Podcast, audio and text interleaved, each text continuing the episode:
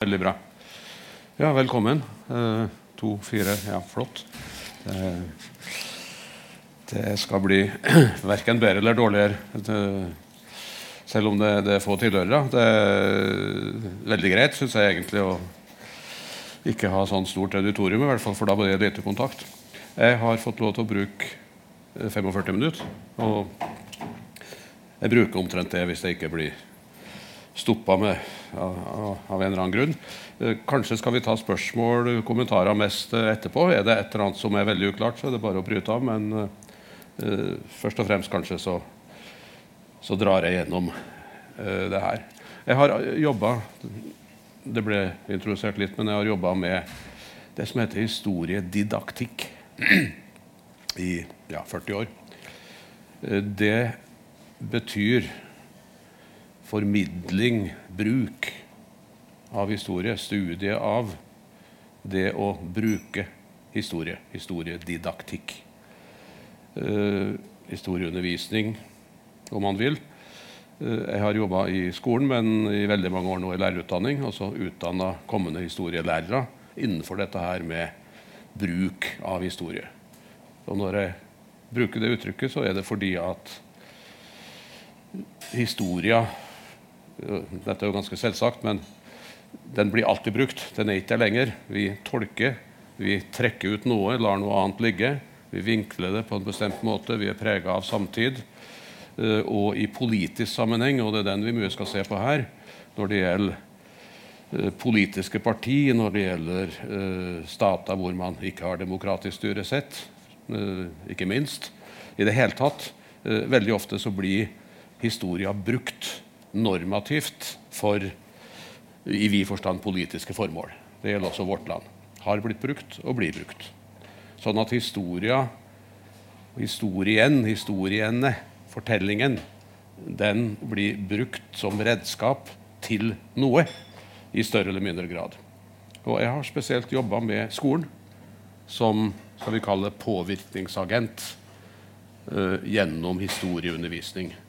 For det ligger ganske klart at så lenge det har eksistert organisert skole, så har skolen blitt brukt av de som driver skolen, enten det da er lærere, skoleledere eller høyere opp, helt opp til høverste statsmakt. Skolen har hatt også en oppdragende hensikt, ikke minst.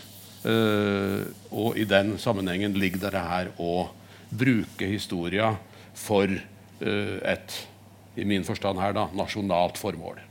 Jeg skal ikke dra det lengre, men her er det altså oppdragelse til nordmenn. Det er nasjonal identitet som er eh, anliggende. Det er nasjonal identitetsutvikling gjennom skolen. Og jeg stiller spørsmål og har skrevet om det i mange år. Jeg har en bok her som jeg bruker litt, som jeg ga ut i to, nei, 2005, ja, ti år siden. Den er sikkert utsatt fra forlaget, men den er på bibliotek. Og den heter symptomatisk da 'Ja, vi elsker'. Der har jeg gått inn i historielærebøker gjennom 200 år. Starta sånn rundt 1814 og fulgt alle toneangivende lærebøker frem til begynnelsen av 2000-tallet. Gått gjennom overkant av 200 bøker.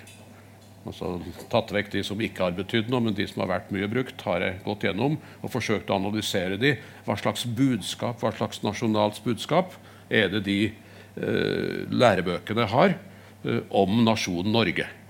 Og det er interessant fordi vi ser veldig tydelig når vi går inn i et sånt langt perspektiv, at eh, nasjonen Norge, den nasjonale oppdragelsen, den nasjonale identiteten, eh, innholdet der svinger etter politisk utvikling, pedagogisk utvikling, nasjonsutvikling.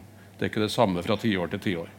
Så det jeg skal snakke om nå, 40 minutter kanskje nå da, det er hvordan denne nasjonale oppdragelsen til nordmenn har skjedd. Noe om hvorfor uh, i løpet av de siste 200 årene frem til, frem til nå. Og la oss aller først bare kikke bak 1814. 1814 er jo veldig viktig og riktig å begynne med, fordi det er grunnlovsåret. Det er den nye nasjonen Norge som begynner da med egen grunnlov. Uh, og skoleverket er ganske raskt da i, i relativt stor endring. Og det er jo dette med skolen, og jeg har gått inn i den eh, offentlige elementærskolen. allmueskolen, folkeskolen, grunnskolen, Jeg har gått inn i, i, i, i det skoleslaget fordi at der samles alle elever. Og alle elever under de samme læreplaner, sånn at man må gå ut fra at de langt på vei har fått en ganske lik påvirkning gjennom hundreårene. La oss reise frem til årene før 1814. Før 1814, det å være norsk, norsk nasjonalfølelse, eh, kan vi spore til ganske små grupper i, i samfunnet. Vi har lest, går jeg ut fra de fleste av oss, om uh, hanseatene i Bergen, Absalon Pedersen Beyer i Bergen på 1500-tallet. Uh, eh, veldig sterkt nasjonal, med brodd mot hanseater og mot dansker. Det er en nasjonalfølelse som begynner å komme til syne. Kongesagaer blir oversatt, eldre norsk historie blir studert. Eh, men dette her gjelder veldig, veldig små, velutdannede grupper. Svært små grupper. Eh, Peder Absalon, eh, Ped, Absalon Pedersen Beyer er ett av ganske få eksempler på den tida. tar vi folk flest i Norge, så vil jeg tro at på 1500-tallet, 1600-tallet var de ganske likegyldig om det ble styrt av norske embetsmenn eller danske embetsmenn. Det skjer noe fra siste halvdel av 1700-tallet. På siste halvdel av 1700-tallet, delvis påvirka av opplysningstid, også gryende nasjonalromantikk, så begynner det her med de norske, særnorske karaktertrekkene å bli fremelska. Uh, Gerhard Skjønning her i byen, rektor ved Katedralskolen, er en fremtredende eksponent for denne nye nasjonale bølgen. Han er delvis prega av opplysningstid. Han studerer naturvitenskaper. Eh, men han er ikke minst nasjonal. Han er veldig opptatt av nasjonal historie. Eh, som de fleste vet, vil jeg tro, så står han jo bak Det kongelige norske vitenskapers selskap her i Trondheim fra 1767. Eh, og han skriver et bindsterkt verk om Norges historie, Norges riges historie. Der er han opptatt av denne populære oppfatningen som var dypt forankra i eh, Europa, på kontinentet, på denne tida. Vi er på slutten av 1700-tallet. Dette med oppfatninga av nordmenn som særlig frihetselskende, som særlig hardføre, eh, som gjennom årtusener, hardt og krevende nordisk klima, hadde blitt forma på en sånn måte. Det er en del av samtidig romantikk, ikke minst i Tyskland, dette med de nordiske landene, og ikke minst Norge, befolka av en egen gruppe mennesker som har lært seg å leve i pakt med denne barske naturen. Gerhard Skjønning er en eksponent også for å få frem dette bildet av den norske historia gjennom de norske kongesagaene, ikke minst. Eh, på slutten av 1700-tallet, 1770-årene og utover, har Johan Friedrich Struensee reell makt i København. Dette er jo slutten av dansketida. 1770-årene. Da får man en trykkefrihetslov som er meget radikal. Sett små begrensninger for hva man kan trykke. Det er få som vet det, egentlig, men det, det er ganske overraskende. Det er veldig få begrensninger på hva man kan trykke på 1770-tallet og i Struensees, uh, Struensees uh, epoke. Uh, og så skjer det at norske studenter, også små grupper, men toneangivende, i København, det er der man studerer, det er ikke noe norsk universitet enda, Eh, man kjemper for norsk bank, man kjemper for universitet. Eh, men man dyrker ikke minst særnorske karaktertrekk. Mye beslekta med det som jeg nevnte nå om skjønning. Også, og litt tidligere på 1700-tallet. Det er jo omtrent samtidig. Men her kommer også denne nasjonalromantiske bølgen av rim og vers og sanger som blir sunget i festlige lag, ikke minst i København, blant norske studenter, de blir ganske fremtredende. Og I dag vil de virke svulstige, men de virka ikke svulstige, vil jeg tro, og slett ikke parodiske i samtiden. Uh, vi har noen av de mest kjente laga av Johan Nordahl Brun. Men vi har også Claes Frimann, som jeg har en epistel av her. Han har laget det som heter 'Birkebeinersang' på 17 1790 datert. Og dette her er et typisk vers av denne sterkt nasjonalromantiske bølgen på slutten av 1700-tallet.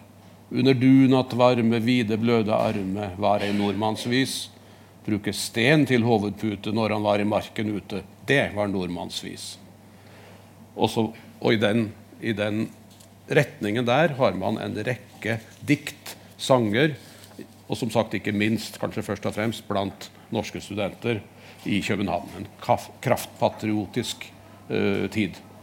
Men igjen, som jeg sa i sted, det er all grunn til å merke seg at dette her er små grupper. Det er ikke noe norsk trykk mot dansk kongemakt, sånn som det skulle bli i forhold til Sverige 100 år senere. Uh, hva med skoleverket? Kan vi snakke om noen nasjonal norsk tendens i undervisning og i lærebøker? Uh, svaret er nei. Delvis fordi det knapt finnes lærebøker for andre skoler enn de lærde, altså videregående skoler. Utvalgsskoler for de få. Allmueskolen er lenge meget svakt utbygd i Norge, og det finnes nesten ikke lærebøker utover religionsundervisning, som er skolens hovedanliggende katekisme. Uh, før 1814 dette er bildet. Man har noen få uh, lærebøker i det danske kongeriket som er interessante. Dette er kanskje den mest interessante, fra 1777. Det er Ove Malling som gir ut en bok for Den lærde skole, for altså videregående uh, uh, elever, gymnasnivå, som heter 'Store og gode handlinger av danske, norske og holstenere'. 1777. Og Dette er interessant fordi at dette er et uh, eksempel på den eksemplariske, eller den måten å skrive historie på, hvor man trekker frem forbilledlige handlinger. Altså mennesker, enkeltpersoner, som har gjort noe spesielt for kongeriket. Og dette vil uh, gå faktisk flere hundre år fremover, helt frem til våre dager. Dette med historieundervisning, påvirkning, identitetsbygging gjennom det eksemplariske, gjennom individer som har gjort noe helt spesielt. Uh, kapitlene er symptomatiske for uh, Malling her i denne boka som dere har på skjermen. Kapitlene er bl.a. ett for menneskekjærlighet, for høymodighet, ett for kjærlighet til fedrelandet, et kapittel for troskap mot kongen, standhaftighet, tapperhet, snillhet, studeringer, embetssiver. Altså, 25 kapitler omtrent. Og alle sammen er eksempelsamlinger av noen som har gjort noe stort til beste for kongeriket, det danske kongeriket, som Norge var en del av. Og ikke tilfeldig så er boken betalt av kongen.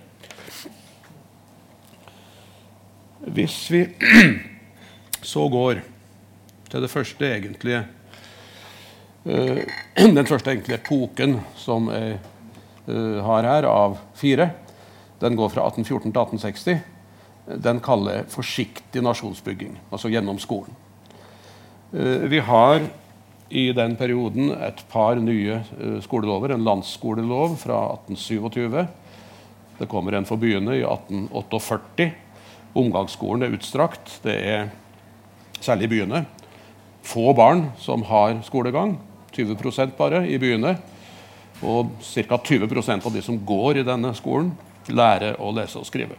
Det er også ganske begredelig i forhold til norsk eller ny standard.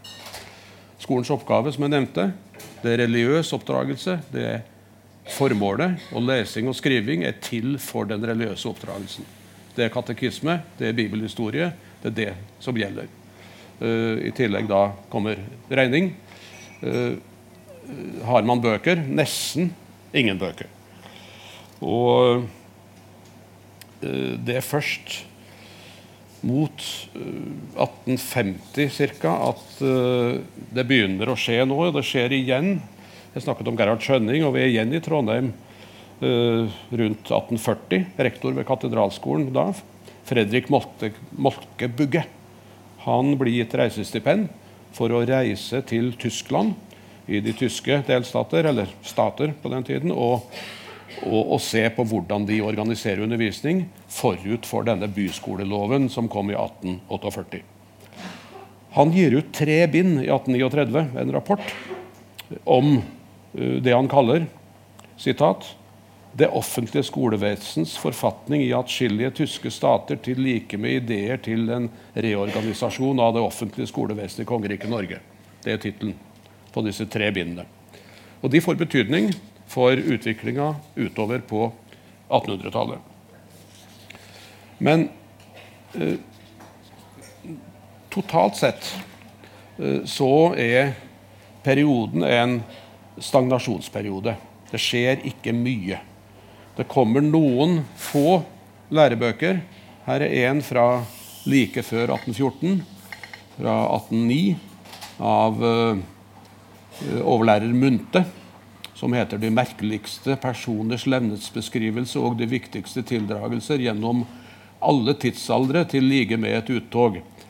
Uh, og disse bøkene de er i veldig stor grad kronologier av kongerekker. Her er en litt senere, hvor dere ser innholdsfortegnelsen. Dette er Andreas Faye. Da har vi kommet frem til 1830. Det er norske kongerekker uh, i uh, dette her. Det er stor grad av beskjedenhet i nasjonsbyggingen på første halvdel av 1800-tallet. Andreas Faye, som jeg nå nevnte, han skriver i forordet, og det er et eksempel på denne forsiktigheten. Her er det ingen nasjonalisme som begynner å, å være påtrengende på noen måte. Det er en forsiktig statsdannelse etter 1814, hvor man begynner å få på plass nasjonale institusjoner og skolens påvirkning er også forsiktig. Faye skriver i forordet til den boken dere har innholdsfortegnelser for uh, nå, bl.a.: Nordmennene er et trohjertet folk, gjestfritt med spise og drikke, om de selv havde noe.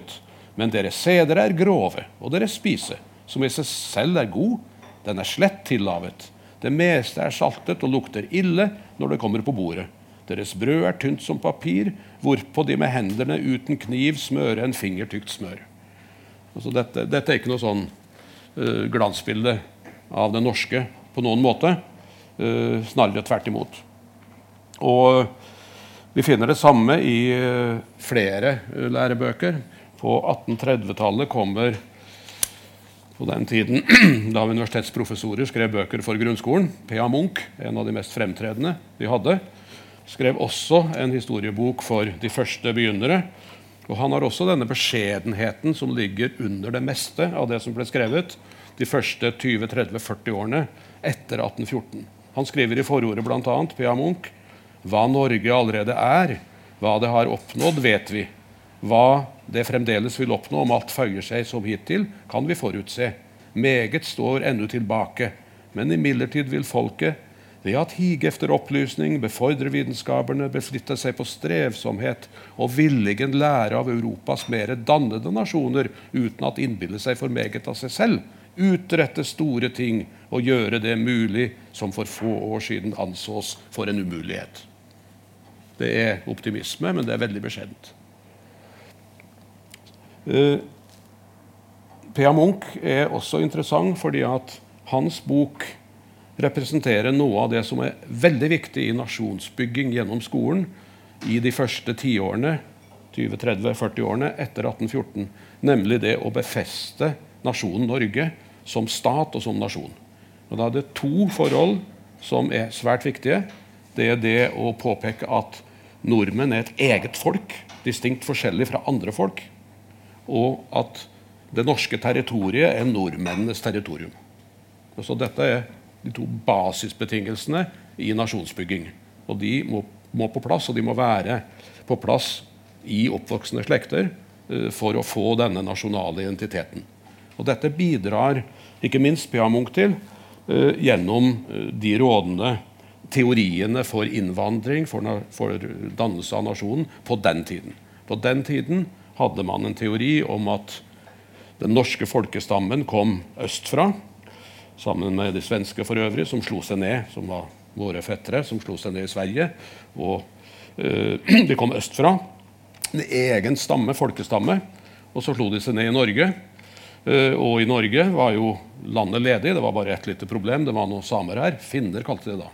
Uh, men, men, dette her var egentlig det som var svært viktig. Å peke på Norge befolket av en egen stamme som kom inn. Og, og dette ble jo endret som vitenskap relativt raskt. Men da, noen få år før Kristus, kom denne stammen vandrende, og landet lå ledig. Og Hvordan beskriver Munch det? Det er ganske, uh, ganske interessant. Det har jeg her, sånn at dere kan se det. Munch skriver og Tenk nå på det å sementere dette med folk og land. Men da finnerne alene ernærede seg av sine reinsdyr, og reinsdyrene kun hører hjemme i de høyere fjelleiene hvor rensmosen vokser, måtte de lavere dalfører og sletter, eller overhodet alt det til åkerbruk skikkende land, i hine tider ligge ganske ubenyttet og ubebodd hen. Med andre ord ledig. Eh, videre i det samme. Men ettersom dalene på denne måte oppdyrkedes og landet befolkedes, måtte finnerne drage seg til side og søke hen til de mer avsidesliggende grensefjellet, og fornemlig til Finnmarken og de svenske lappmarker, hvor de nu have sitt rette hjem. Altså, Det problemet løser man på den måten. Så dette med folk og dette med territorium uh, er sentralt uh, og, og løses på, på denne måten. Uh, konklusjonen det er en forsiktig, ydmyk nasjonsbygging. Det befester nasjonen. samtidig er det en stagnasjonsperiode men ikke så mye at vi ikke ser at en ny samfunnsklasse, arbeiderklassen, begynner å bli synlig utover mot midten av eh, 1800-tallet. Og det er også enkeltpersoner i de privilegerte samfunnslag som eh, begynner å ivre for folkeopplysning og skolereformer. Prega av det som skjer på kontinentet, revolusjonene 1830, 1848. Eh, sånn at denne klassiske dannelsestradisjonen med latinskolen den begynner å bli utfordret. Og det begynner også å bli viss utfordring mot dette at samfunnet er sementert lagdelt. I disse første skolelovene ligger det veldig klart dette her at det er ikke noe behov for sosial mobilitet. Tvert imot. De som leder an i disse prosessene i de første tiårene etter 1814, er veldig opptatt av dette at det er ingen mobilitet vi er ute etter. Tvert imot. Enhver er født inn i sin stand. Aller fremst i disse relativt uh, ja, Det skjer ikke så mye i disse årene, men Henrik Wergeland er et unntak. Han skriver lærebok. Han lager 17. mai-tog, som dere vet. Han snakker om nasjonal ånd og nasjonal karakter. Den andre perioden, fra 1860 til 1905, kaller jeg her patriotismens periode. Og nå skjer det noe i nasjonsbyggingen. I denne perioden får vi fastskole som en normalordning. Altså omgangsskolen uh, blir sjeldnere og sjeldnere og legges etter hvert ned. Det kommer en veldig viktig folkeskolelov, 1889. Uh, skolens oppgave i perioden, siste halvpart av 1800-tallet, fortsatt sterkt religiøst opp, uh, oppdragelse, men også borgerlig etter hvert. Eh, folkeopplysningen kommer sterkere og sterkere inn. Og ikke minst er fortsatt dette nasjonale perspektivet veldig sterkt. Og det blir som vi skal se, sterkere og sterkere ettersom vi nærmer oss 1905 og konfliktene med Sverige tiltar. Det kommer en rekke nye skolefag inn i denne fasen, denne perioden. Bl.a. Uh, samfunnsfag, naturfag, praktiske fag. Og blant lærebøker så er det ikke minst de nye lesebøkene. Tidligere har de vært sakrale ABC-bøker, men veldig klart bibelske motiv. Nå kommer det nye lesebøker som jeg skal bruke litt tid på om et lite øyeblikk. Og det kommer mange uh, fagbøker.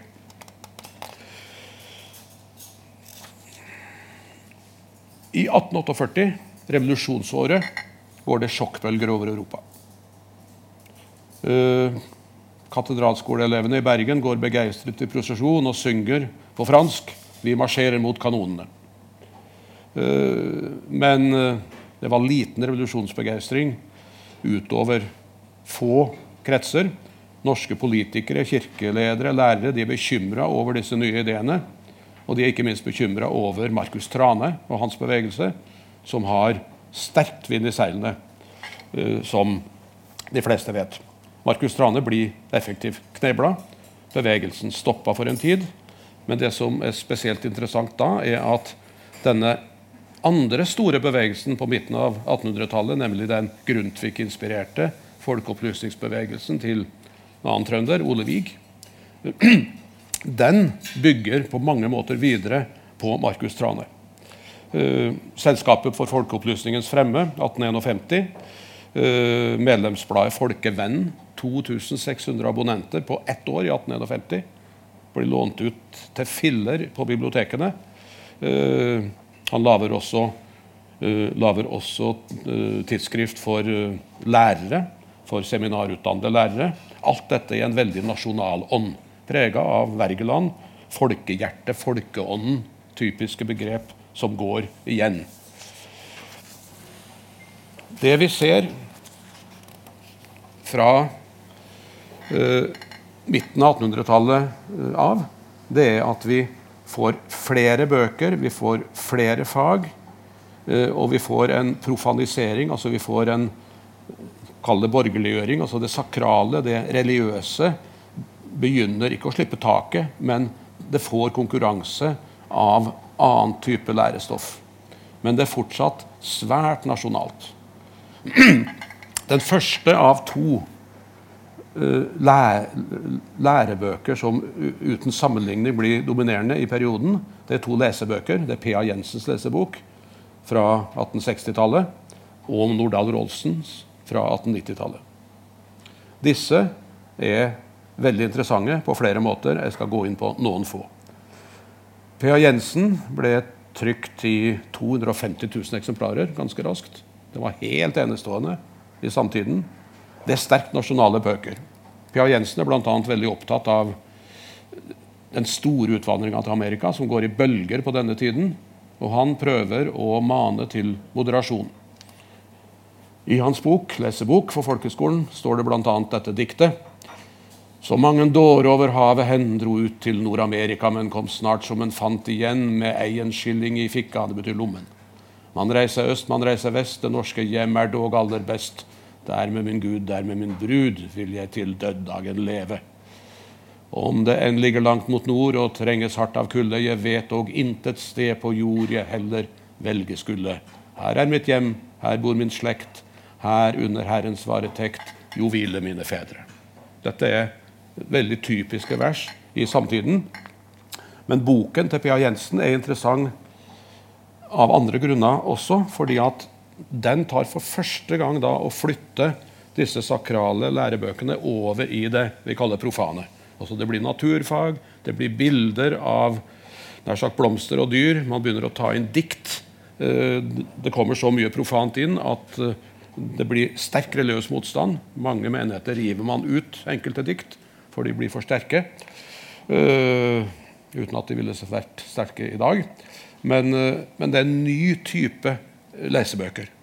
Og for alvor kommer jo den nye typen lesebøker med Nordahl Rolsen, som har sin første lesebok i 1892. Uh, da pga. denne nye skoleloven, folkeskoleloven i 1889, som jeg nevnte.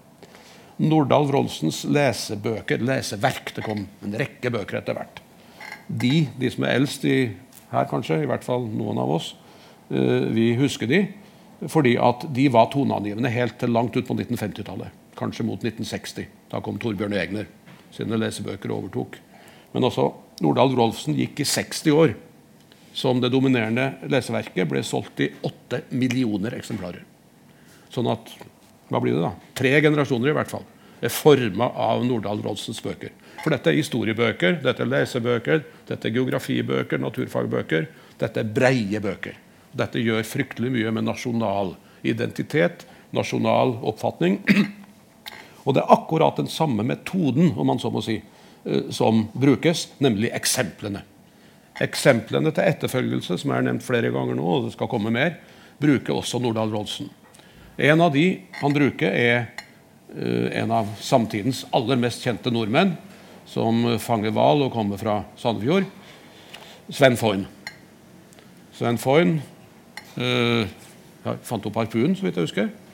Og, og var i Sørishavet og ble rik og bodde i Sandefjord. Og ble besøkt av Nordahl Rolsen.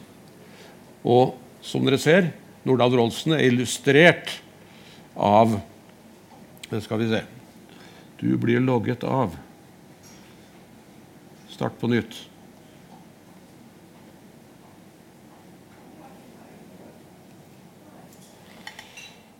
Beklager, vi tar det som en pause. Det er alltid et eller annet sånn som jeg ikke skjønner hvorfor, i hvert fall. Men mm -hmm. Men Nordahl Rolfsen i hvert fall. Han besøker Sven Foyn, som sitter i sitt gedigne hus i Sandefjord. Og besøker ham, og så skriver han i sin lesebok en epistel om hvordan han oppfatter intervjuet eller samtalen med Sven Foyn. Han gjør det samme med andre toneangivende nordmenn. Han skriver om 17. mai-tog i Kristiania. Han beskriver en rekke sterkt nasjonale episoder og er i eh, det alt vesentlige en uhyre nasjonal forteller og historieskriver. Det er nasjonsbegeistring, det er nasjonal stolthet som er et hovedanliggende. Og så lurer jeg på hva som skjer her. Er det noen som skjønner mer enn meg av det her?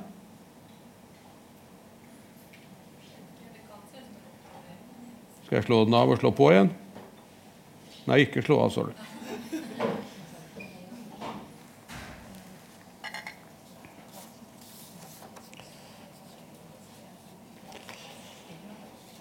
Denne perioden til Nordahl Rolfsen 1890-tallet er jo samtidig en periode hvor vi er inne i de sterke spenningene i forholdet til den nye unionspartneren Sverige, altså fra, fra 1905. Uh, eh, her er det uh, symbolsaker som er viktige. Flaggspørsmålet, uh, utenrikstjenesten. Det er sterke posisjoneringer, og lærebøkene rundt 1905 og når vi nærmer oss 1905, er veldig preget av dette her. Hvis vi i det hele tatt skal snakke om skal vi si, sterkt nasjonalistiske historiebøker, altså ikke bare det å bygge en nasjonal identitet, men nasjonalistiske historiebøker, så må det være rundt 1905. Dette var en strekkeregning. Men alle får nå delt ut disse her bildene som eh, jeg allikevel skulle vise. Så eh, jeg lurer på i desperasjon om jeg skal slå av hele skitten og prøve å slå det på igjen. Du tror ikke jeg skal gjøre det? Nei, det er fint. Hva tror du skjer nå? Da Kan det bli stående sånn en halvtime? Bare kjør. 9% fullført. 15 bare kjør på. Den er god. Hvis dere ser på side 3 i det dere har fått delt ut Alle har fått det, håper jeg. Så ser dere at uh, vi har et bilde nede til venstre hvor uh, Nordahl Rolfsen da har intervjuet Sven Foyn. Og Der står det i hans lesebok, og som elevene da leser i skolen jeg spør ham om han noensinne har vært ute for hvalrossen. Og jeg har da det, sier han tørt. Vi hadde nettopp harpunert én. Dyret reiser seg i sjøen og vil slå etter folkene mine, men treffer ikke første gangen. Så ligger, legger han begge forlabbene på ripen og velter båten. Der ligger vi da og plasker i sjøen midt mellom alle hvalrossene. Men dyret, som var såret, satte seg på kjølen og så på oss. Det var det bildet vi så i sted. Og så sier Nordahl Olsen til elevene så meget hadde jeg lært da jeg tok farvel med Sven Foyn, at han hadde mot som de gamle vikinger. Og det var sant hva han siden skrev. Jeg har aldri hatt frykt i min sjel. Det neste bildet dere ser, er fra akkurat samme periode. Der er vi inne i flaggsaken i striden med Sverige. Det rene norske flagget uten sånn sildesalat oppi hjørnet til venstre. Vaie her, og det er et postkort. Og det er da en viking, og det er en rekke symboler som dere ser der. Dette er uh, populære ting i, i, samtiden. Og Det passer godt hvis den slår seg på nå, for da har vi kommet til den tredje av fire perioder som jeg skal gå raskt gjennom. Og da kan dere bla Nei, det kan dere ikke. Da kan dere bla på neste side, i hvert fall. da. Der kommer vi til skolen 1905 1940. Det er en fase med en selvstendig nasjon, hvor uh, den skolepolitiske konteksten selvfølgelig er et vannskille. Det er store likheter mellom 1814 og 1905. Landet står overfor en mulig krig med Sverige begge ganger. Det mobiliseres. Sterk nasjonal konflikt. Det pragmatiske vinner foran konflikt. Forholdet til Sverige blir relativt raskt forbedret. Eh, men en rekke forskjeller. Altså, konflikten med Sverige i 1814 er som et resultat av napoleonskrigene, uten at Norge egentlig kunne gjøre verken fra eller til. I 1905 oppstår konflikten mye også pga. hva Norge foretar seg eller ikke foretar seg, altså statsmaktene. Og det er en nasjonal stemningsbølge, en enorm stemningsbølge i 1905. Og ikke ubetydelige eh, krigsstemninger i deler av folket. Hvis vi ser på lærebøkene, så ser vi uh, til høyre for dette med skolen 1905-1940 hvor jeg har skrevet der at det kommer en folkeskole for alle. Det kommer en ny læreplan i 39. En nasjonal læreplan. Eh, demokratisering blir en oppgave i skolen. Nasjonal identitet fortsatt. Fredsarbeidet kommer etter hvert. Og det er stadig nye fremmedspråk. Nye, unnskyld, stadig nye skolefag. Bl.a. fremmedspråk. Eh, jeg har tatt med tre bilder som viser at det fortsatt er sterke nasjonale bevegelser i lærebøkene. Det første dere ser der, er Sigurd Jordsalfar, som er på vei inn i Konstantinopel. Og skal vi se Jeg kan få til noe her.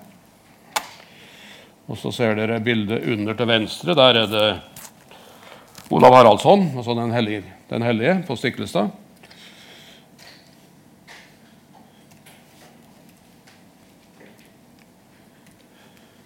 Det kommer opp, og Så er det Reola Tryggvason til overmål i solnedgangen, eller hva det nå er. Det kan være slaget ved Svolder i 997.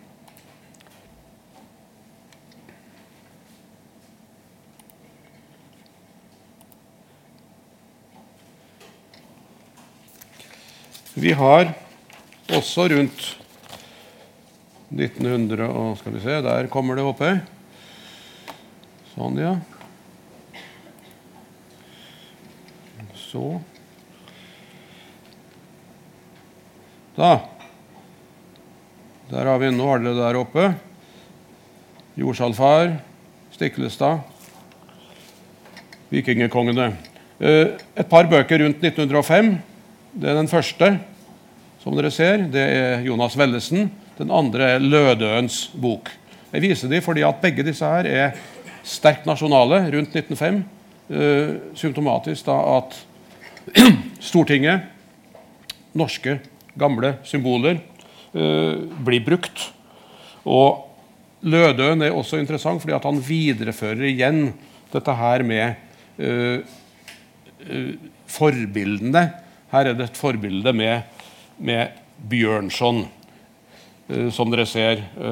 det kan dere lese, tror jeg.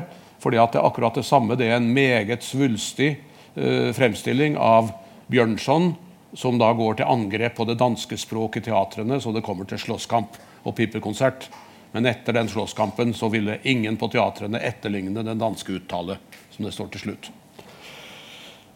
Det jeg går videre med, er at jeg ser på utviklingen da på 1900-tallet, hvor vi får nye fag, og ikke minst ferdighetsfag. Dette er, tror fra den nye Lademoen skole, uh, innvia vel i 1906. Eh, ikke tilfeldig at man da har søm og, og, og, og, håndarbeid for jenter, selvfølgelig, helt øverst. Altså hvor lyset, selv om det har kommet elektrisk lys, det elektriske lyset, så er det sparsomt i forhold til de store lysvinduene. Eh, dette er, for å, dette er en del av den nasjonale dannelsen. Her får piker å lære seg å bli gagns uh, menneske i heim og samfunn, som det senere heter.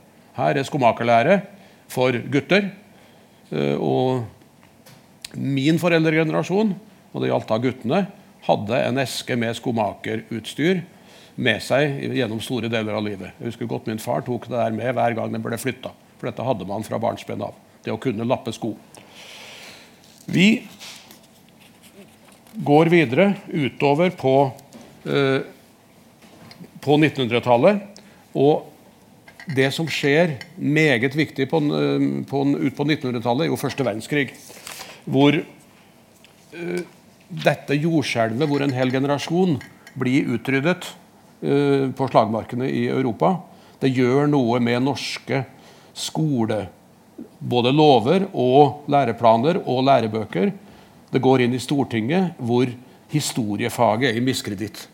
Historiefaget som er skyld i alle uh, ulykker ved at de har terpet opp og ned på helter og strid og konger og vikinger. Nå blir det hverdagshistorien mer og mer som, om ikke blir dominerende, det går hånd i hånd, men det blir mye hverdagshistorie. Odelsbonden, hverdagsslitet, kommer mer og mer. Og når vi nærmer oss andre verdenskrig ut på 30-tallet, så ser vi eh, tilfeller av lærebøker med sånne advarsler som dette her. Merk dette i forhold til disse sterkt nasjonale bøkene tidligere. Den neste krig, om den kommer, det blir så forferdelig at alt vi hittil har sett av råskap og grusomhet, bare vil bli barnelek mot det verden da vil bli vitne til, osv. Dette er en bok fra 1934. Går vi frem igjen, så er det en del av Nordahl Wroldsens leseverk, 'Norge gjennom tidene', skrevet av Vår Müller, en annen historieprofessor. Dette omslaget er typisk, for det er et skipsverft. Det er den nye tid. Det er stål, det er betong. Det er ikke en ny tittelside eller et omslag med vikinger eller uh, krigshelter. Det er noe som skjer. Hvis vi så går videre igjen Nå går jeg litt over i sånn hastemodus, men dere kan lese dette her selv tidligere. For vår Müller er enda en. Dere ser denne eksemplifiserende historieskrivingen er veldig sterk veldig lenge, gjennom flere hundre år. Vår Müller skriver her om Norges mest kjente nordmann på, i samtiden, starten av, av 1800-tallet, unnskyld, 1900-tallet. Uh, og uh, beskriver i detalj Fridtjof Nansen i meget svulstige former. og når dere leser det, ser dere også at språket har gått i radikal retning. Det det er en veldig sterk endring der, som er tidsriktig fra 1940 og, og utover. Og, og, denne eksemplifiserende historieskrivingen den er der fortsatt. 1940-70, Nest siste periode Arbeiderpartistaten. Uh, ikke funnet opp uttrykket av meg, men relativt treffende. Man, fors man har forsøkt med niårig skole, som kommer like etterpå, i 74. Eller eh, planen kommer i 74, og da er den gjennomført. Det er mye fellesskapstenkning, det er utjevning mellom samfunnsklasser, det er mye samfunnskunnskap som kommer inn som konkurrent til historie. Historie var en miskreditt, som jeg sa. Samfunnskunnskap, det nye faget. Engelsk realfag. Stadig flere lærebøker. Et par eksempler på hvordan denne arbeiderpartistaten, altså hvordan man former veldig basale funksjoner i samfunnet. En funksjon er heimen, altså hjemmet, familien. Det andre er velferdsstaten. Først heimen. Dette er en bok fra 1953. Det er veldig symptomatisk, det nasjonale selvbildet som det formes i denne arbeiderpartitiden. Det er en far som snakker til sin sønn Heimen vår er et lite menneskesamfunn. Mor Ragnhild, du og jeg holder sammen her.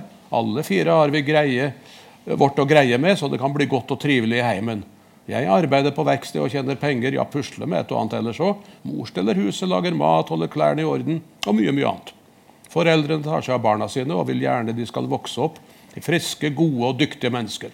Både Ragnhild og du er så store nå at dere Ragnhild er søstera til Hanne snakkes det, er så store nå at dere hjelper mor og far på mange måter.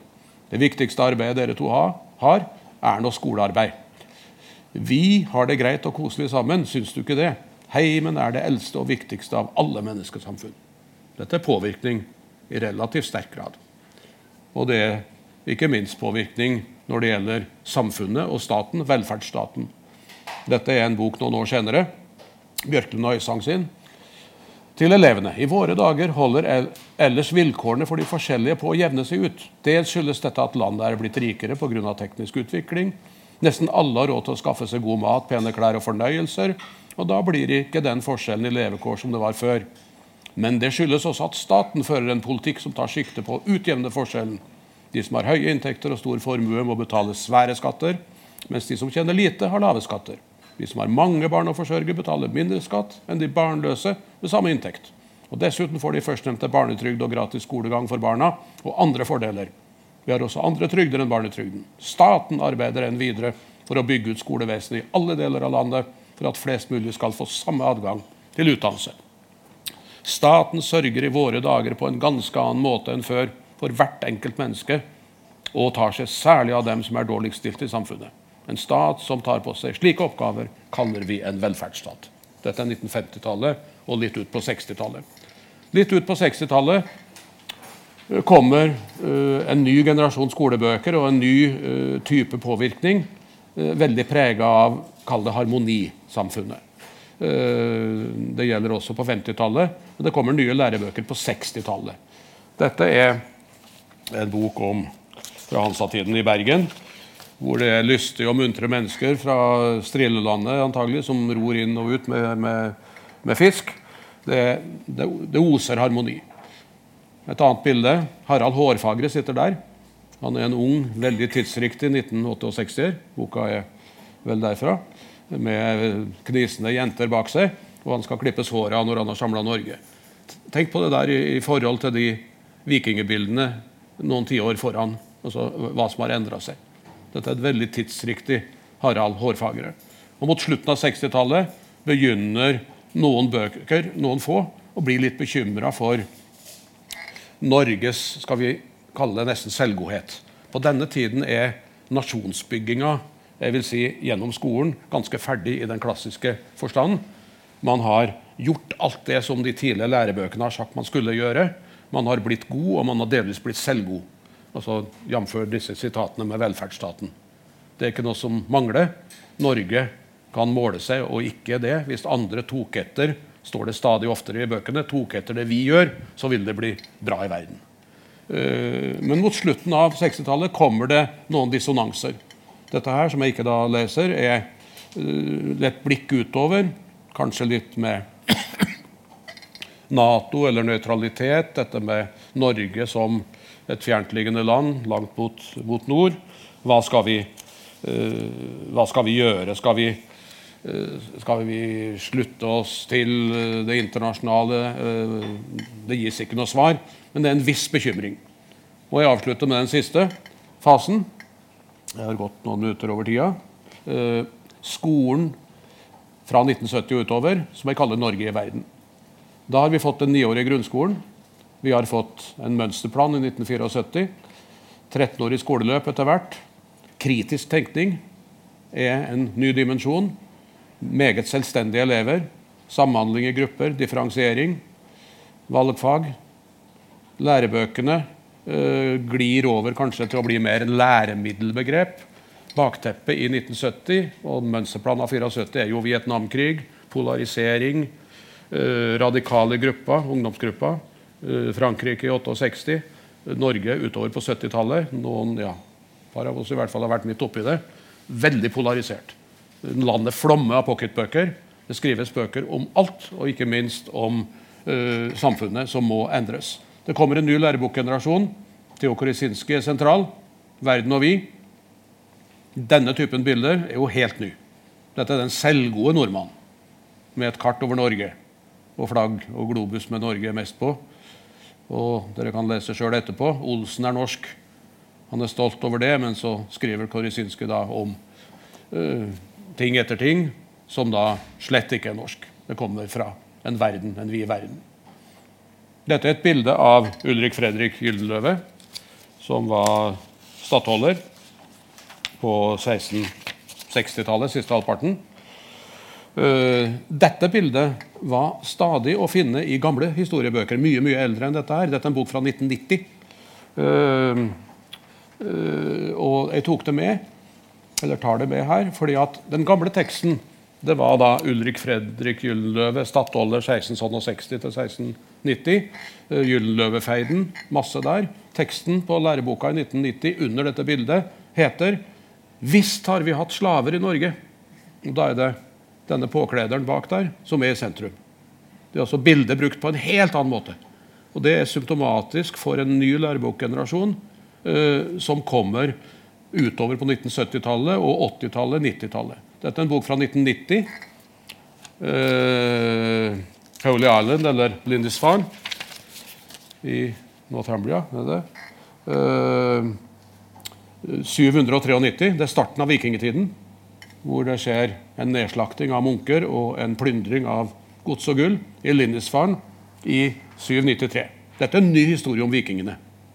Denne ville overhodet ikke hatt noe plass i den gamle nasjonsskrivingen. Dette er den nye, flersidige, mer kritiske uh, skrivingen, hvor den ene etter den andre og tredje og fjerde av heltene Tordenskjold også, så de får passet sitt påskrevet på den måten at det er mer ved det enn vi har visst før. De hadde også sine svin på skogen. Uh, en annen sak som kom da utover på 80-tallet, 90-tallet og inn nå på 2000-tallet. Dette med Norge som internasjonal nasjon, fredsnasjon, som hjelper til. Astrid Nøklebø Heiberg, vel, president i Røde Kors på den tiden. Eh, bilder, eh, kapitler eh, av eh, samisk eh, av, eh, samiske befolkning og mer og mer lærestoff om det samiske. Uh, læreplanene sterke også der. Og bildematerialet i lærebøkene. Dette er fra 2000 og ja, Det er ikke mange år gammelt. Og dette er litt symptomatisk nå for, for det nye. Og jeg slutter da med å, å spørre 2017 nasjonal identitet. For dere ser på denne fasen etter 1970 at det har skjedd noe. Nasjonsbygging er ferdig på en måte på slutten av 60-tallet blir det mer og mer internasjonalisering, mer og mer kritisk tenkning, mindre og mindre av den norsk-nasjonale, den gamle byggingen. Det kommer nye eh, landsmenn til. Flerkulturell nasjon blir tydeligere, som jeg skriver her. Statskirka de siste årene mister grepet som identitetsbærer. Kirka er jo helt fundamental i hundrevis av år. Samfunnet blir multireligiøst, mer profant. Dette gir på mange måter et konfliktnivå som vi ikke har hatt tidligere. Vi har igjen eh, Det gikk i avisen her da, da eh, kulturministeren og, og, og, og han eh, på Byneset Hva het han? Som var oljeminister for Senterpartiet. Hmm? Ola Borten Moe. Da de hadde sånn vaffelselskap ute på Byneset her da fikk vi jo dette begrepet vaffelnasjonalisme, eh, som har eh, gått litt rundt omkring. Hvor treffende det vet jeg ikke, men det er i hvert fall eh, også en del tradisjonelle sånne nasjonale identitetsmarkører på fremmarsj nå. Og så er det stor politisk usikkerhet, mener jeg, både i storting og ellers blant politikere, blant lærebokforfattere og ellers. Altså hva er det nasjonale i den nye konteksten? Og som dere ikke har fått. Dette var det siste dere fikk, men det satte jeg til i dag. Jeg mener vel også at skolens helt dominerende rolle, som vi har vært vant til gjennom hundrevis av år, som nasjonal identitetsbærer, den utfordres nå av det jeg kaller Internett. Altså av sosiale medier som former en stadig større del av unge menneskers identitet. Og trolig gjør det også noe med oppfatning om det norske og det å være norsk. Men dette er høyttenkning. Dette vet jeg ingenting om. Jeg vet bare at ting flyter på en måte det ikke har gjort tidligere. Ikke nødvendigvis til det vonde, men også dette med en, en relativt stødig nasjonsbygging som har hatt litt forskjellige markører gjennom 200 år. Den har fått en helt annen profil etter 1970-80-årene og er nå i endring. Og er ikke i stand til å avslutte nå, som jeg burde, med å fortelle dere hva er det nasjonale Eh, i norsk skole i dag. Hva vil det si å være norsk? Det er faktisk veldig vanskelig å si, og jeg tror ikke noen har et entydig svar. Da gikk jeg ganske mye over tida, men enda er masse jeg ikke fikk sagt. Og så skylder jeg litt på maskina. Tusen takk. Bra.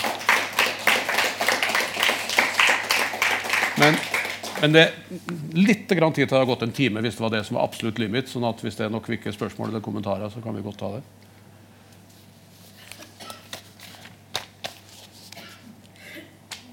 Du kan jo like mye som meg om det her. Kom igjen. Ja. Du må snakke høyt, da. i tilfelle.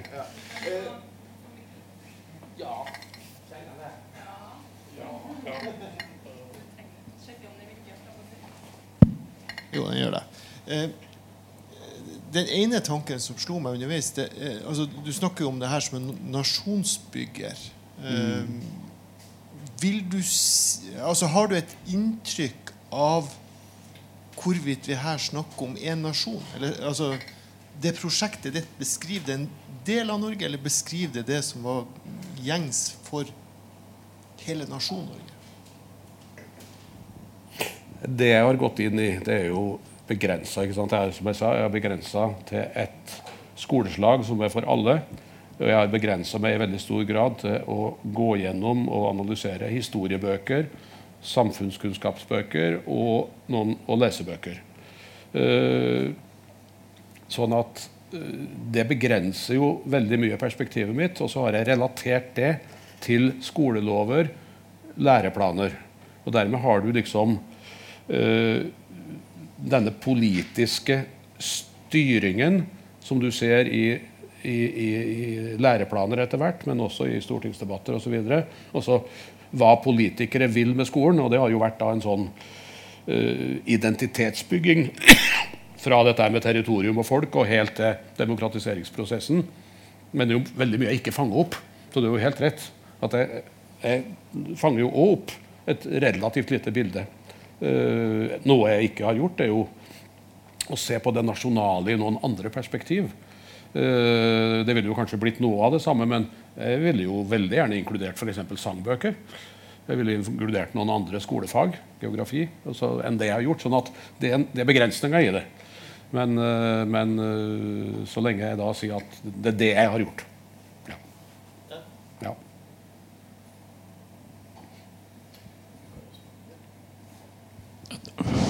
Ja. Nei, jeg tenkte litt på Jeg kommer fra Nei til EU. Hvordan vil du vurdere sånne ting som uh, nei-avstemninga altså, i 1972? Da er det jo viktig med nasjon Hva er det det nasjonale innholdet?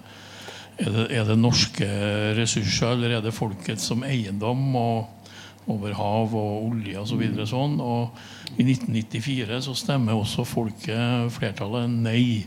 Hvor, hvor, ja, hvor vil du plassere Nå er det jo bare Høyre som, har, som vil ha, være med i EU lenger. Og er det en sånn, eh, er det en sånn voksende sjølbevissthet omkring hva, hva Norge er? At eh, ja, trepartisamarbeid og Så videre, sånne ting. Og naturressurser, fisk, olje, vannkraft og sånne ting. Ja, takk.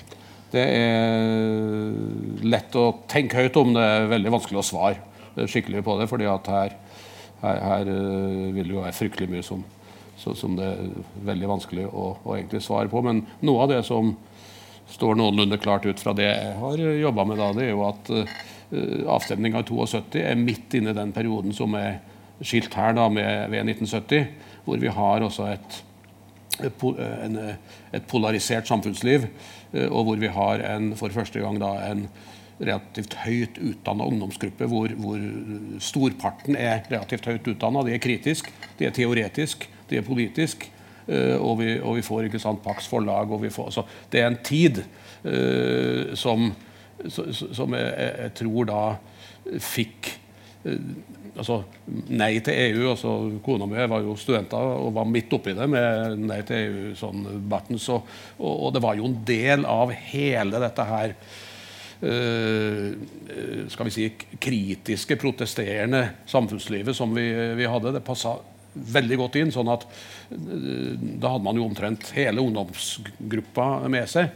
Men så er det jo det som eh, jeg har studert mindre, og som jeg skal være forsiktig med å snakke om. Men eh, det er nok også både i 72 og, og 90, altså også den avstanden på 90-tallet, at det er noe med Kanskje det ligger igjen fra noe av det jeg har snakka om her, også det her med selvråderetten. Nå vil ikke jeg inn på at det er noe egen folkegruppe som er spesielt uh, uh, sånn hardfør gjennom tusenårene. At, at det har noe med det å gjøre. Men, men det har kanskje noe med det med uh, sjølberging, spredt bosetning, det her med, med infrastrukturen som, som, som gjør at man tradisjonelt er veldig forsiktig til å binde seg til sånne uh, overordna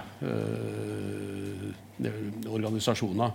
Og vi ser jo nå da at når, når, EU ikke bare har vært suksesshistorie, og Norge har vært en suksesshistorie, så får vi jo det resultatet foreløpig, som du sier. At nå er det jo ikke noe sånn særlig kall sjanse eller fare for at man skal ha en avstemning med det første. Så ja. Et uh, lite spørsmål. Uh, nå det, ser det ut til at det med sang i skolen er forbi. Eller at det iallfall ikke skal være egne sangtimer, har jeg forstått. Dette har gått nesten uten debatt. Eh, sangen har vel vært en av de viktigste kulturformidlere av norsk kultur. Mats Bergs sangbok. Eh, så er spørsmålet Har dette noe med sharialoven å gjøre? Sharialoven nedlegger sterkt forbud mot å synge, og mot å høre på musikk og mot å lære seg å spille instrumenter, visse instrumenter. i hvert fall. Sånn at eh, det sies f.eks. i sharialoven at den som lytter til en sangerinne, skal på oppstandelsens dag få helt flytende bly, glødende flytende bly i ørene av Allah. Er det dette som er, ligger i bakgrunnen for at man har eh, trukket tilbake sangundervisningen i skolen? Er det slik at man ikke tør å si det offentlig pga. den oppstandelse som vil kunne skje? Altså jeg vet Bakgrunnen for dette her er at det samme har skjedd i England, hvor muslimske foreldre har tatt elevene ut av skolen pga. at de ikke vil ha noe sangundervisning. Mm.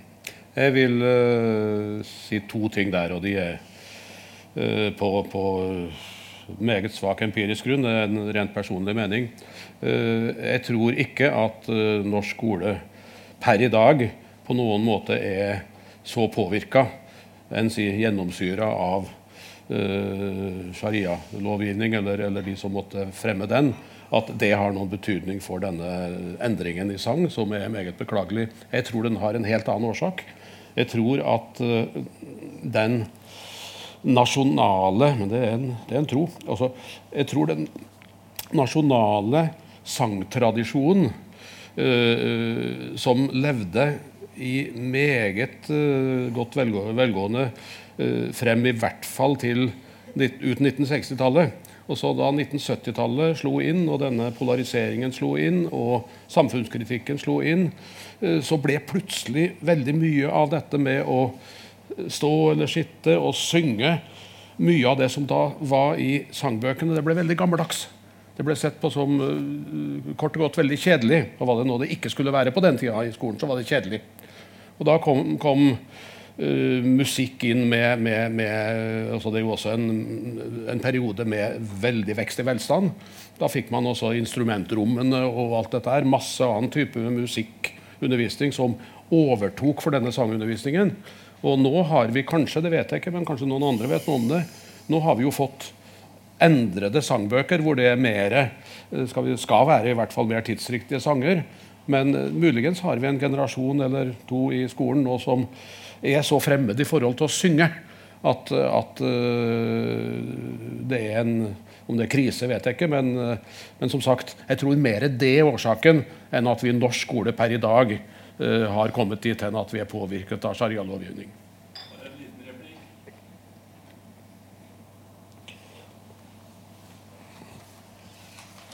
Ja, Jeg er langt på vei enig når det gjelder at det, det har vært tendensen en lang periode. altså Man, ikke, man lærte ikke lenger norske sanger osv., for det var en slags nasjonalisme og sånn der som man ikke likte.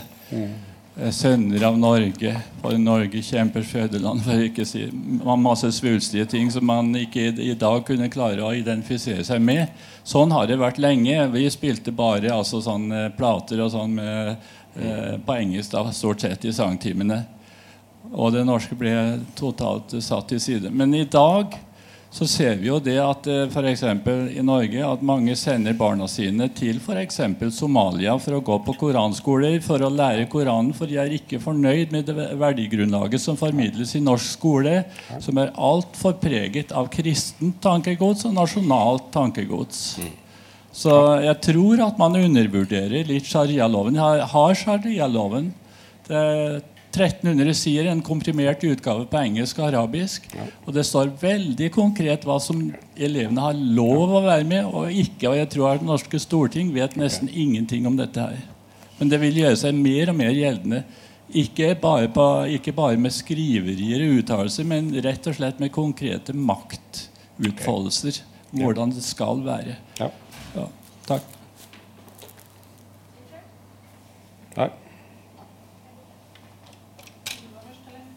Det var to der nede som Ja, Ok. Ja. Uh, nei, altså til, til det spørsmålet om hva er det som har endra seg. Jeg tenker at utover det som uh, du Svein er inne på, så tenker jeg at bortfallet av godkjenningsordning i forhold til lærebøker er et sentralt element i det her. Ja. Uh, og det betyr jo at man går fra å ha ei sentral godkjenning der man kan opprettholde en form for nasjonal standard. Altså ei, leseliste som er felles for alle. Uh, og så går man vekk fra denne felles nasjonale godkjenningsordninga, og så får man en situasjon der det er fritt fram for meningsbrytning i læreverket. Det er fritt fram for folk med ulike oppfatninger å skrive bøker om det samme på ulike måter. Ja. Eh, og så til spørsmålet om eh, altså andre ting som har endra seg. Eh, jeg tror som deg, Svein, at eh, det her med sharia-lovgivninga er helt underordna i forhold til norsk utvikling. Men det er noen elementer i her, denne meningsbrytninga som har skjedd Sjøl er, som mange av dere sikkert hører, oppvoksen i en annen landsdel. Og det å få en jeg på å si, kall det nordnorsk katekisme, en nordnorsk leseliste, eh, har nok i en sånn sammenheng vært mye sterkere enn eh, mange av de andre påvirkningene som beskrevet her i dag. Altså, det at man utvikler en egen identitet, som, ikke som nordmann, men som nordlending. Ja. Så der, der har du på en måte en annen bit som har gjort det legitimt og viktig og mulig å være ja. noe annet enn en nordmann. Hm. ja. Det var det der.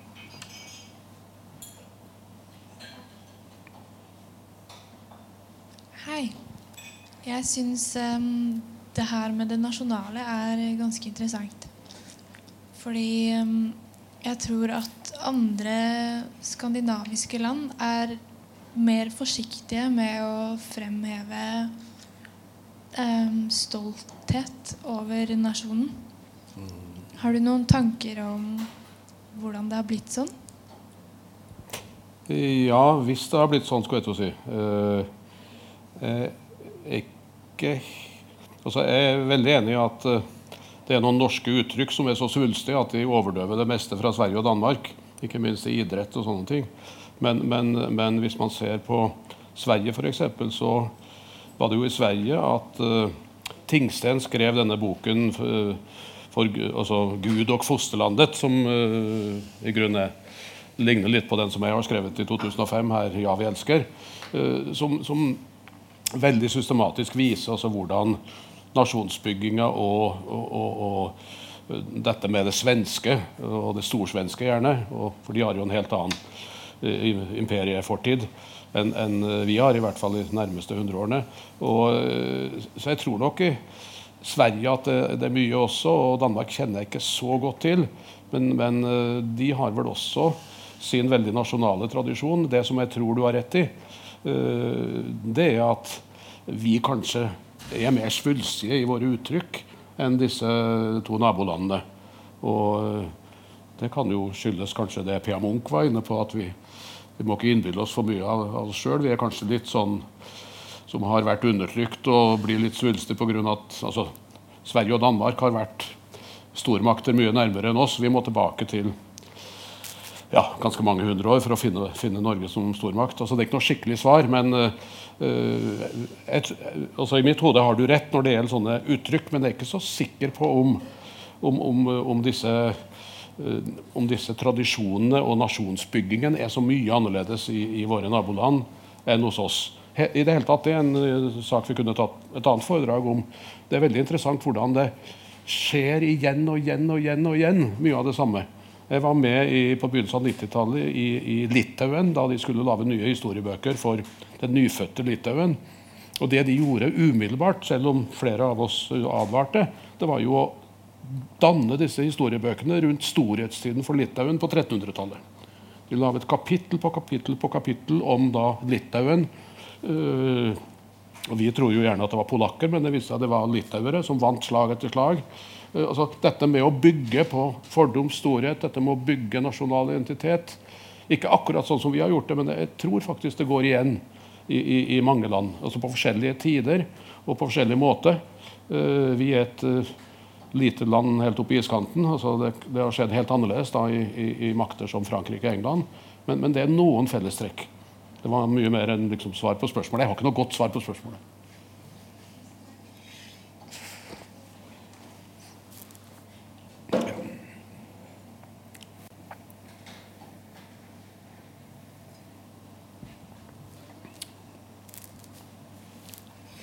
Det du nevner helt på slutten, det med at det er stor politisk usikkerhet knytta til utvikling av det nasjonale i en ny kontekst, den, den konteksten tolker jeg som globaliseringa. Eh, at uh, verden blir mindre, føles mindre, alt er nærmere. Og hva blir da Norge sin rolle i alt det her? Og jeg har jo relativt nylig gått på ungdomsskole og videregående. Um, og der er det jo mye snakk om verden og litt sånn verdenshistorie med forholdet mellom land. Så jeg føler kanskje at det er en ny trend å prøve å oppdra elever som verdensborgere mm. istedenfor bare nasjonale mm. borgere i mm. nasjonen Norge. Ja.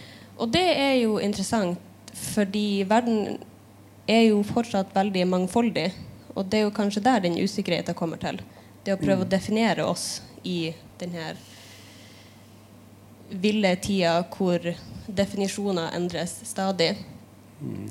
Tror du at skolen sin rolle i samfunnet kan, kan, endres med tida, nå hvor ting endres så fort? Vil, nå når det blir så mye usikkerhet rundt det, og det å bruke skolen som identitetsbygger, kan det hende at skolen får en helt annen rolle? Ja, jeg tror det. Som jeg sa på, på, det siste bildet, som dere ikke har på trykk her, men som jeg la til på kontoret mitt i dag.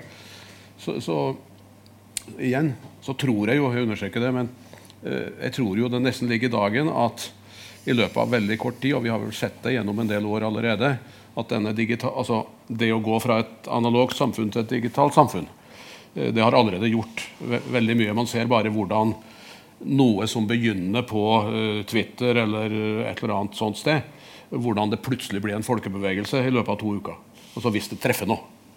Uh, altså Vi har jo en metoo-bevegelse nå, ikke sant? Som, altså, og, og, det er jo ikke det eneste. Det er mange uh, sånne, sånne, initiativ. Så, så, når vi da har, og i stigende grad vil få, en, en digital ungdomskultur, så må det jo gjøre noe med skolen.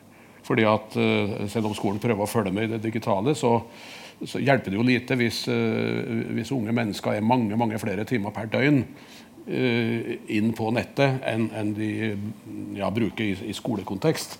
Så veldig vanskelig, Det er vel ingen i rommet som kan svare, men stalltipset godt som noe da, vil jo være at ja, det må skje noe med skolen, og det skjer noe med skolen, men skolen er på godt og vondt en konservativ organisasjon. Uh, på vondt fordi at det ikke følger med i tida og er veldig treg og, og, og, kommer liksom bakpå. Men på godt kanskje fordi at det er noen sånne identitetsmarkører som blir værende der, og som kanskje kan være greie å, å ha med seg. Men ja, jeg tror skolen må få en, en, annen rolle. Og vi ser det nå. Lærebøkene har jo vært mitt metier. Det jeg har forska på hundrevis av lærebøker som er analysert. Nå har vi jo virkelig kommet dit som flere av oss har spådd feil i flere tiår at lærebøkene er snart ute. Nå ser vi at de faktisk begynner å forsvinne. Nå ser vi at eh, det begynner å bli skole etter skole som faktisk er så godt som uten lærebøker. Det var jo en rektor nettopp nå på Østlandet som uh, stolt forklarte i Aftenposten at nå hadde de heldigitalisert skolen. De hadde lagt vekk lærebøkene. Jeg tenker spesielt på for um, jeg har vært uh, uh, Min klasse har hatt kontakt med noen i Russland. Og der spesialiserer de seg veldig mye tidligere enn vi gjør. Vi kan jo spesialisere oss med enkelte valgfag på videregående nå. Men der har de Når du begynner på tilsvarende videregående, så kan du spesialisere deg innenfor naturfag, uh, kulturfag som dans og musikk og teater eller andre ting. Og det er jo interessant, for nå er det veldig mye informasjon som er tilgjengelig for oss. Og da kan det hende at det er nødvendig å spesialisere oss tidligere for å kunne konkurrere på et internasjonalt nivå. Ja, det tror jeg er helt riktig. Samtidig så vil du da kollidere med et veldig innarbeida prinsipp i norsk uh, allmennskole, og det er allmenndannelse. At uh, norsk ungdom skal nær sagt så lengst som mulig lære det samme før man spesialiserer seg. Og jeg er enig i at det prinsippet det står kanskje for fall, og det er i hvert fall under veldig press. Det tror jeg nok. Det er jo um, Det er jo en veldig sterk sånn nasjonal identitet når alle kan identifisere seg med å ha gått på skole.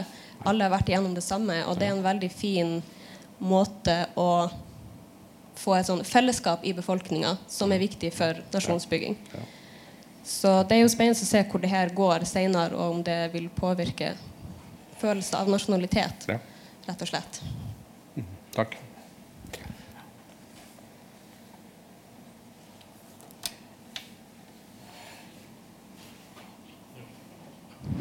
Ja, nå, du siste nevnte jo det her med globalisering. Og da skal da ungdommen utdannes til å bli verdensborgere, og ikke da være nasjonalister. Nå har vi jo det her med brexit, hvor da ungdom stort sett stemte for å være med i EU. Men dem som da stemte imot, og som det ble flertall, det var da de som ikke fikk delta i fordelen da, med globaliseringa. Så da under parolen 'We want our country back', som da var en sånn en henvendelse til demokratiet. Så, så, spørsmålet da, det er jo hva, hva er det Altså at uh, det, det, er tvilsomt om den veien for globalisering er, er rett. Altså, som viser da riktigheten av nasjonalstaten og det nasjonale.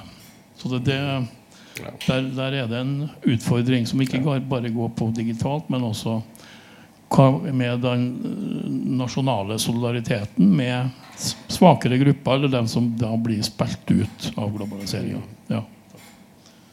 Det er vel det vanskelig å svare annet enn liksom standardsvaret er at de fleste av oss antagelig vil ha et både-og. At uh, en type nasjonal identitet uh, kan virke veldig positivt, men at vi er i en globalisert verden. Også vi uh, så i Urix i går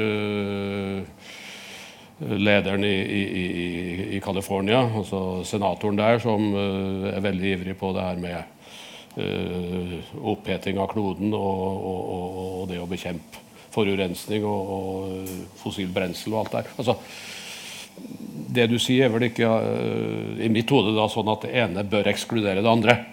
Men at det antagelig ligger noen verdier i begge deler. Men at det vel i hvert fall er veldig viktig uh, at at vi ikke går tilbake til en nasjonalstatløsning hvor man bygger murer rundt nasjonene og lave identiteter som er eksklusive i forhold til naboene, som vi vel fortsatt ser leve i beste velgående på Balkan. Hvor det jo er centimeter fra krig omtrent hele Eller det er veldig spent, i hvert fall. Så, så, så den fortida er det vel de færreste av oss som vil tilbake til. Men uh, ja, du må stoppe du når vi Jeg, jeg kunne sitte her hele kvelden, men ja. Ja vel? Nei da, men altså En god ting skal ikke gå for lenge, så hvis folk begynner å bli litt sånn tomme, så slutter vi.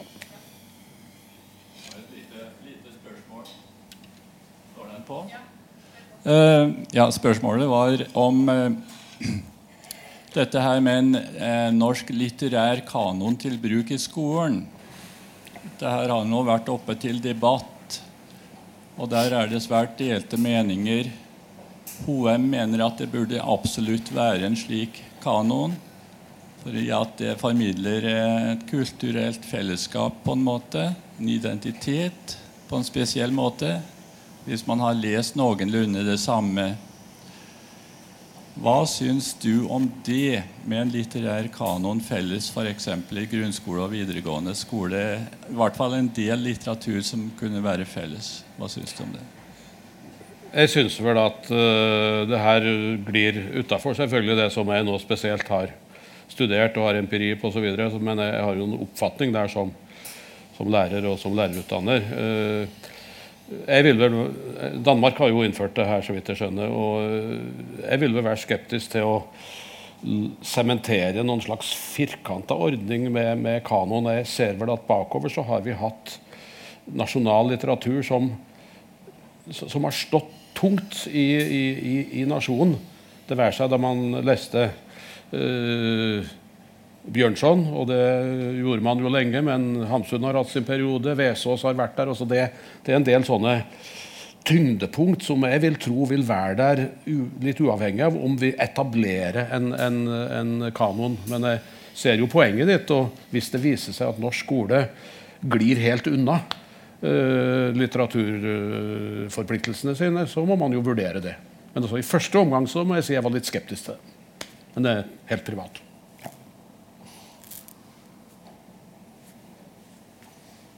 Da er baren åpen. skulle jeg til å si. Tusen takk. Ja.